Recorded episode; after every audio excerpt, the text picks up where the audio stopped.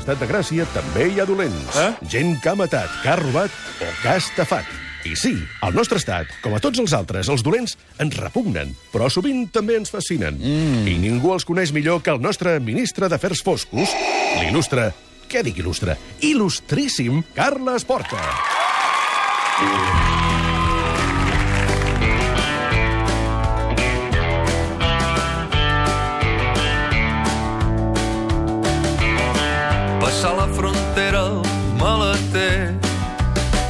Entrem avui en el capítol tercer de La mort venia en camió, una història que va començar a Hostalric i que ens ha portat fins a Alemanya. Carles Porta, déu nhi Sí, senyor, i viatjarem, ja ho veuràs on viatjarem. Viatjarem físicament i viatjarem emocionalment perquè ja us avisem que aquest capítol d'avui i els dos que han de venir d'aquesta història són durs. Sí, ho vam dir el primer dia. Aquí aquesta història a mi em va frapar molt, des de molts punts de vista. I hi haurà detalls, i hi haurà explicacions que potser a algú li poden eh, ferir la sensibilitat, eh? Més, més que els detalls és el context i el que es va produir. Però, bueno, escolta, anem, anem, a fer, anem fent, anem Sí, fent. no, anem no, fent. jo aviso, i aviso. Si algú és molt sensible, doncs que, escolta, eh, que, que s'ho pensi dues vegades o que s'ho escolti de lluny. En tot cas, fem un breu resum dels capítols anteriors abans d'entrar en matèria.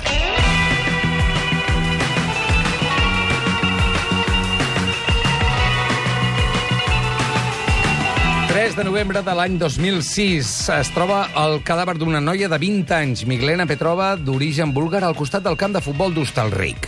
La noia es dedicava a la prostitució a les carreteres de la demarcació de Girona. Va morir escanyada i, si bé va costar trobar pistes, la sort va fer que la càmera de seguretat d'una empresa de la zona gravés el pas d'un camió cisterna blanc que coincidia amb la descripció que les companyes de la víctima havien fet. Aquestes companyes havien dit que a les 10 del matí del dia 2 de novembre la Miglena havia pujat un camió cisterna blanc amb matrícula alemanya. El conductor volia els serveis d'una prostituta que es deixés lligar les mans i la noia búlgara hi havia accedit. L'endemà va aparèixer morta. Doncs bé, després de seguir la pista del camió, els Mossos van trobar un sospitós, un home alemany de 47 anys anomenat Volka. Van demanar una ordre europea de detenció i ens vam quedar a punt de saber què va passar quan el van detenir. Què va passar, Carles? Vas parlar d'una sorpresa important. Una de les últimes coses que vam dir la setmana passada és que el camioner vivia en una ciutat anomenada Hof i que els veïns el tenien ben considerat. Era un bon veí, entre altres coses, perquè moltes vegades, quan tornava de viatge, portava regals als nens i nenes del veïnat. Amb el temps, algun dels testimonis va dir que un dels regals més habituals eren les nines. Però això ja arribarem. També us havia dit, al final del capítol anterior, com bé recordava Roger, que els policies que van anar a detenir Volker Eckert es van trobar amb una sorpresa majúscula.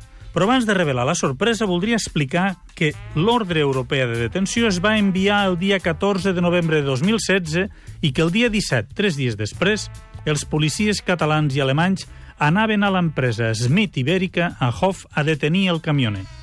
I un últim detall que cal recordar en aquest punt. Quan es va trobar el cadàver de la noia a Hostalric, a part de les marques d'arrossegament als peus i dels senyals d'escanyament, recordeu que tenia trossets de cabells a l'esquena i les espatlles? Sí, senyor. Doncs bé, retinguem aquest detall dels cabells i escoltem com l'intendent Jordi Bascomte ens explica què va passar quan es va detenir el sospitós. Permeteu-me, insistim, que us adverteixi que el que sentireu pot ferir algunes sensibilitats. La realitat sovint és molt crua. Escoltem l'intendent. Ell el que diu és que quan està detingut a tal que necessita unes pastilles que té a la cabina sí, perquè si li deixen anar-hi i els policies diuen bueno, sí, però anem-hi tots plegats, no? I llavors quan entren a la cabina i comencen a mirar doncs es localitzen eh, fotografies, restes de, de cabells, bueno, tota una sèrie de, de, de, de dades mm, que hi ha més fotografies eh, fotografies importants. Aquesta és una fotografia localitzada a la seva cabina, conforme amb una de la noia la localitzada a l'eix transversal, la va escanyar a la cabina i, a més a més, mentre la tenia escanyada, la violava. I això ho, ho fotografiava. O ens surten les imatges de la Miglena, aquesta és la Miglena. Val? Com l'escanya o reconstrueix l'escanyament, aquí la continua escanyant, Després la penja amb una corda aprofitant la cabina, que són les marques que es visualitzen a la inspecció ocular, i aquí veus que té un cabell molt maco. Si tu te mires aquí, diràs... Aquí no es veu tant, però, per exemple, aquí a l'autòpsia Clar, li ha tallat. Mm? Clar, Li ha no, tallat. no era només... li ha tallat i aquest tall és el que deixa Tota la pelusilla a l'esquena. la pelucilla a l'esquena. Uf, impressionant veure aquestes fotos, no, Carles? Sí, sí, sí, sí, són fotos que no són reproduïbles. Aquí l'intendent me les va ensenyar per, per que fos conscient del que hi havia i de, de, de amb quin personal s'han de trobar moltes vegades. I es va sí, trobar sí. un assassí en sèrie, doncs, o què? Exactament. Van anar a buscar l'assassí d'una noia i van descobrir un assassí en sèrie. Sabeu què, havia, sabeu què va dir als policies just després que trobessin tot allò a la cabina? Ja era hora que vinguéssiu. Heu tardat molt, no podia parar. Repassem què van trobar els agents dins de la cabina del camió. Hi havia un calaix ple de fotos de dones mortes fetes amb Polaroid, i a les fotos també hi sortia ell fent bestieses absolutes amb els cossos. Un munt de bosses de plàstic amb cabells de dones. La policia va veure de seguida que es tractava dels seus trofeus. A cada dona que matava li tallava els cabells. Clar, la pregunta és per què? No vulguis saber, president. No, no, clar que volem saber. Recordes que quan tornava de viatge regalava nines a les nenes del barri? Ostres, i? Què? què? Ho explico ara, o potser ho deixem una miqueta pel capítol que ve i fem un retrat més complet del camioner assassí. Centrem-nos ara, si em permets acabar, de relatar què van trobar a la cabina del camió cisterna blanc. A més a més de les fotos i de les bosses amb cabells, hi havia diferents peces de roba de les pobres dones que havien passat per aquell camió de la mort. Aquella cabina era un autèntic museu dels horrors. Un cop detingut, el porten a comissaria i com si fos el protagonista d'una pel·lícula, perquè aquestes coses només passen a les pel·lícules, es posa a confessar un munt de barbaritats. I, bueno, i quan comencen a parlar amb el Walker, ell inicialment, mm, diguem-ne que confessa una sèrie d'homicidis.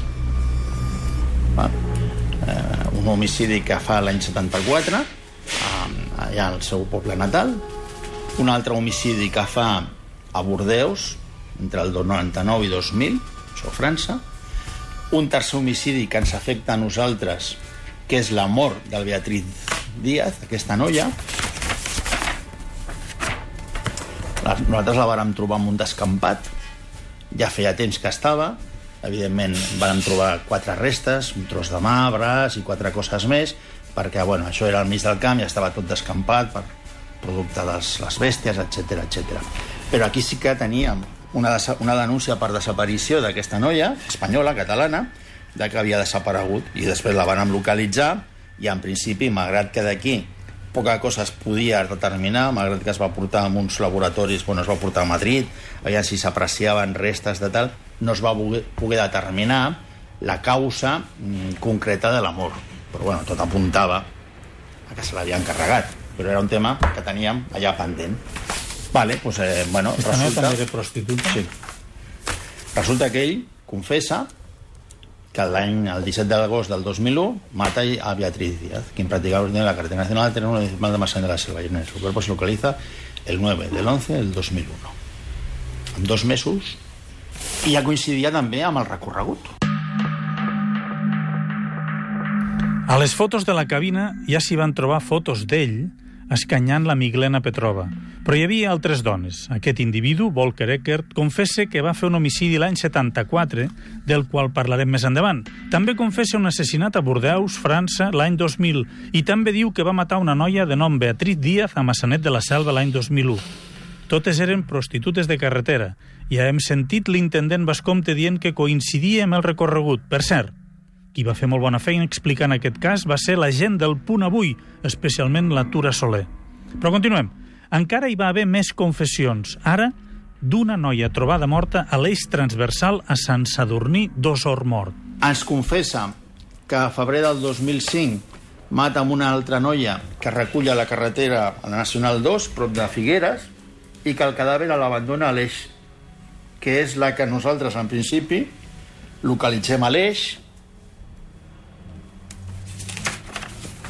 Això és a l'eix, que havia nevat, i la noia, doncs, mira, gràcies al fred i tal, es conservava força bé. I per consegüent, a nivell de...